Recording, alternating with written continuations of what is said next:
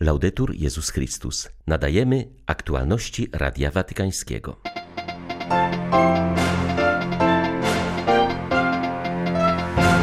Tylko Kościół wolny jest kościołem wiarygodnym, mówił papież na mszy w uroczystość świętych apostołów Piotra i Pawła.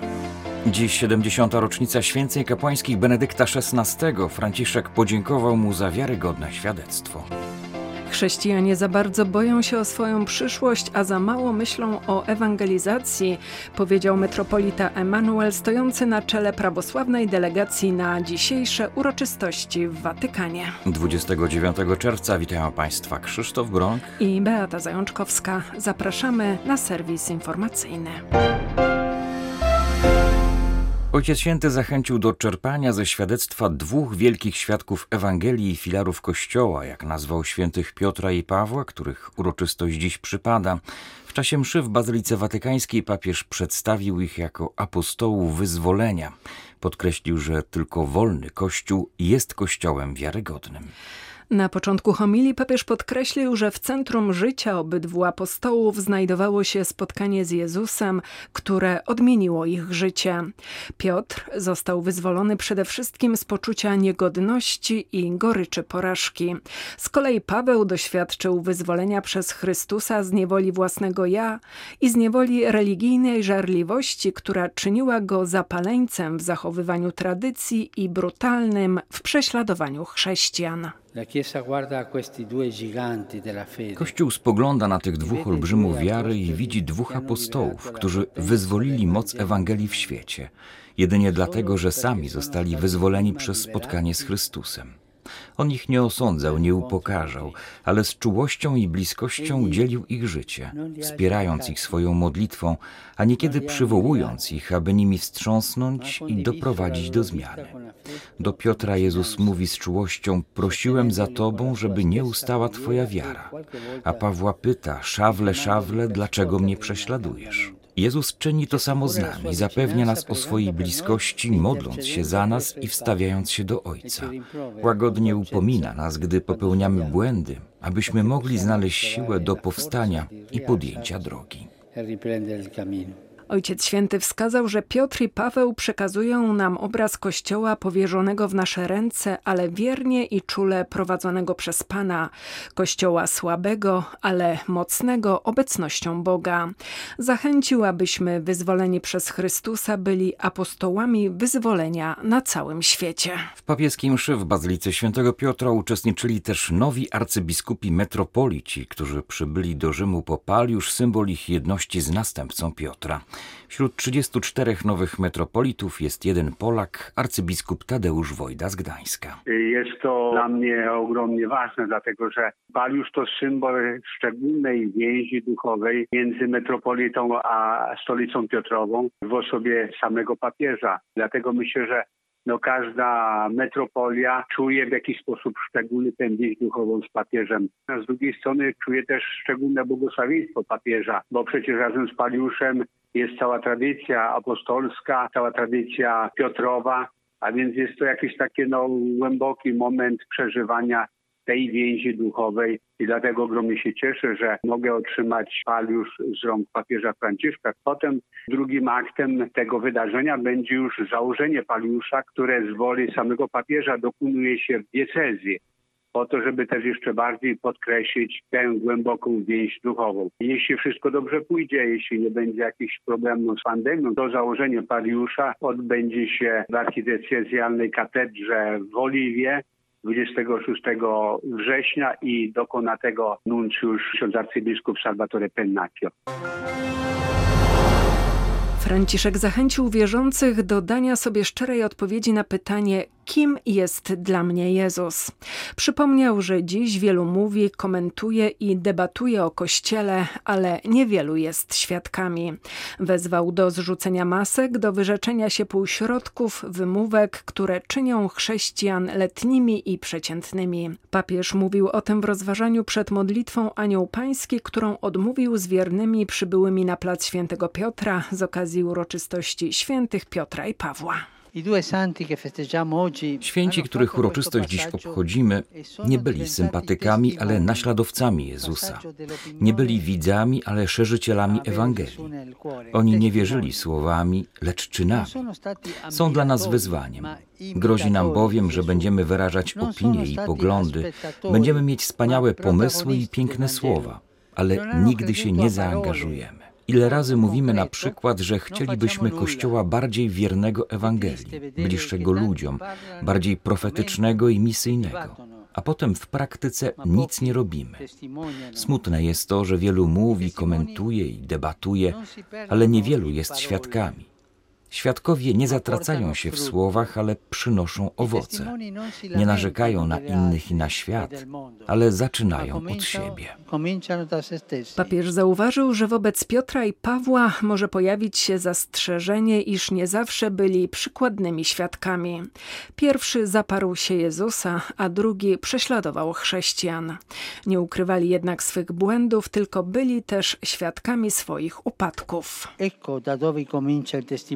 Od tego zaczyna się świadectwo, od prawdy o sobie, od walki z własną dwulicowością i fałszem.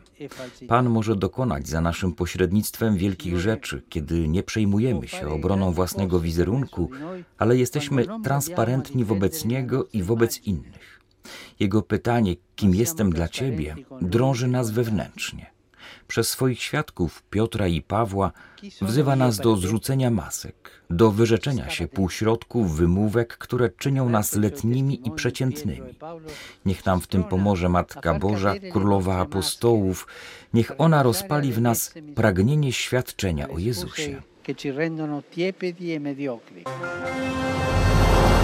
Rocznicą, która dotyka serc nas wszystkich, nazwał papież Franciszek przypadające dziś 70-lecie święceń kapłańskich Benedykta XVI. W improwizowanych słowach podziękował papieżowi seniorowi za wiarygodne świadectwo i spojrzenie skierowane zawsze na Boga. Franciszek mówił o tym po modlitwie Anioł Pański, a jego słowa spotkały się ze spontanicznym aplauzem wiernych przybyłych na plac Świętego Piotra. Ciebie, Benedykcie, drogi ojcze i bracie, zapewniamy o naszej miłości, wdzięczności i bliskości, mówił papież. Mieszka w klasztorze, miejscu, które miało gościć wspólnoty kontemplacyjne tutaj w Watykanie, aby modliły się za Kościół. Obecnie to on jest człowiekiem kontemplacji w Watykanie, poświęcając swe życie modlitwie za Kościół i diecezję rzymską, której jest biskupem seniorem. Dziękuję Tobie, Benedykcie, drogi ojcze i bracie.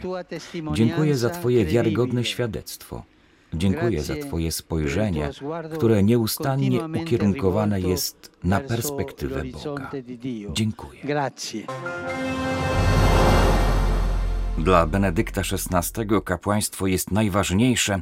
Jest szczęśliwy z tego, że jest kapłanem, powiedział jego osobisty sekretarz podczas inauguracji wystawy otwartej nieopodal Watykanu z okazji 70. rocznicy święceń papieża seniora. Ekspozycja została przygotowana w Galerii Sztuki Poli. Zaprezentowano na niej m.in. prywatne przedmioty Józefa Ratzingera z różnych etapów jego życia, od pierwszej komunii po ornat, w którym dziś odprawia mszę w klasztorze Mater Ecclesiae.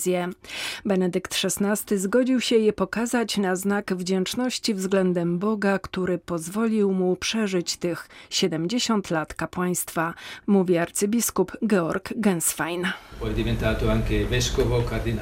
Józef Ratzinger był na przestrzeni swego długiego życia arcybiskupem, kardynałem i papieżem, ale źródłem całej jego posługi jest kapłaństwo. To dar, który otrzymał od Pana, dar, z którym wewnętrznie się zmagał, ale temu darowi pozostał wierny. Z tego daru czerpał potem łaski jako teolog, biskup, kardynał i papież. Teraz przeżywa swe kapłaństwo z wielką prostotą. Modli się i medytuje, starając się śledzić aktualną sytuację. Na koniec zrozumiał, że tak naprawdę liczy się tylko to, by być blisko Boga. I sam mawia, całe moje życie ma swoje centrum, źródło, a także i cel w kapłaństwie, w byciu kapłanem. W pozdrowieniach po modlitwie Anioł Pański papież przypomniał, że w przyszły czwartek przypada 160. rocznica pierwszego wydania L'Osservatore Romano. Żartując, Franciszek przyznał, że sam nazywa go organem partii. Dziękując redaktorom watykańskiego dziennika za ich pracę, życzył, by kontynuowali ją z wiernością i kreatywnością. Papież poprosił też o modlitwę w intencji Libanu w związku z zaplanowanym na 1 lipca Dniem Refleksji i Modlitwy za ten kraj. Razem ze zwierzchnikami wszystkich kościołów obecnych w kraju Cedrów będziemy się inspirować słowem Pisma Świętego, które mówi Pan Bóg ma plany pokoju. Proszę wszystkich, aby duchowo łączyli się z nami, modląc się, aby Liban wyszedł z poważnego kryzysu, przez który przechodzi i ponownie pokazał światu swoje oblicze pokoju i nadziei. Obawiam się, że myślimy bardziej o przetrwaniu chrześcijaństwa niż o dzieleniu się dobrą nowiną o Chrystusie zmartwychwstałym, powiedział metropolita Halcedonu Emanuel, który stoi na czele delegacji patriarchatu Konstantynopola. Jak co roku przyjechała ona do Rzymu, by wziąć udział w uroczystościach z okazji świętych apostołów Piotra i Pawła. Metropolita zauważa, że kościoły chrześcijańskie nie są z góry uodpornione na sekularyzację i dotyka ona mocno ich misji w świecie świecie. To, co obecnie przeżywamy, nie jest również dalekie od doświadczenia wspólnot, które były prześladowane w ciągu trzech pierwszych wieków, dodaje metropolita Emanuel. Metropolita Chalcedonu zwraca uwagę na obecność w encyklikach papieskich tematów dialogu i zbliżenia. To są elementy również bardzo ważne dla patriarchy Bartłomieja, który mówi o potrzebie ochrony środowiska, stanowiącej element etosu solidarności, który powinien ożywiać wszystkich chrześcijan. Hierarcha podkreślił też, że temat przyszłego synodu biskupów dotyczący synodalności jest również owocem relacji ekumenicznych. W dokumentach Międzynarodowej Komisji do Spraw Dialogu temat synodalności pojawia się obok prymatu. Metropolita Emanuel uważa, że obchody 1700. rocznicy Soboru Nicejskiego mogłyby przyczynić się do wprowadzenia wspólnej daty celebrowania świąt paschalnych. Było byłoby to potężnym orędziem świadectwa oraz pojednania w świecie. Mamy służyć tylko Chrystusowi, a nie ideologiom czy innym światopoglądom, które choć ukrywają się za pięknymi słowami, to w rzeczywistości poniżają godność człowieka, powiedział prefekt Kongregacji dla Kościołów Wschodnich na rozpoczęcie pielgrzymki Słowackiej Cerkwi Grecko-Katolickiej z okazji 350-lecia uzawienia cudownej ikony Matki Bożej z Klokoczowa. Dziś rano była ona obecna na papieskiej mszy w Bazylice Świętego Piotra. Modląc się przed nią, Franciszek zawierzył Maryi swą podróż na Słowację. Podczas mszy dla słowackich grekokatolików kardynał Leonardo Sandri przypomniał, że to właśnie ta ikona była celem potajemnych pielgrzymek w czasach komunistycznej Czechosłowacji.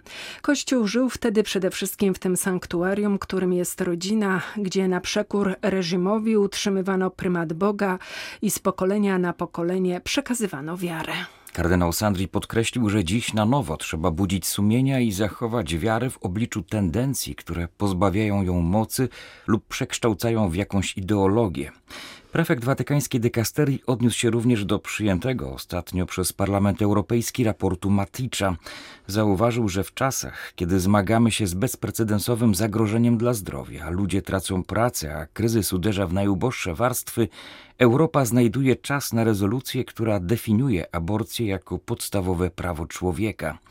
Jest to niebezpieczne odstępstwo antropologiczne, wobec którego musimy budzić nasze sumienia i szukać sprzymierzeńców w autentycznej służbie ludzkości, dodał kardynał Sandri. Były to aktualności Radia Watykańskiego. Laudetur Jezus Chrystus.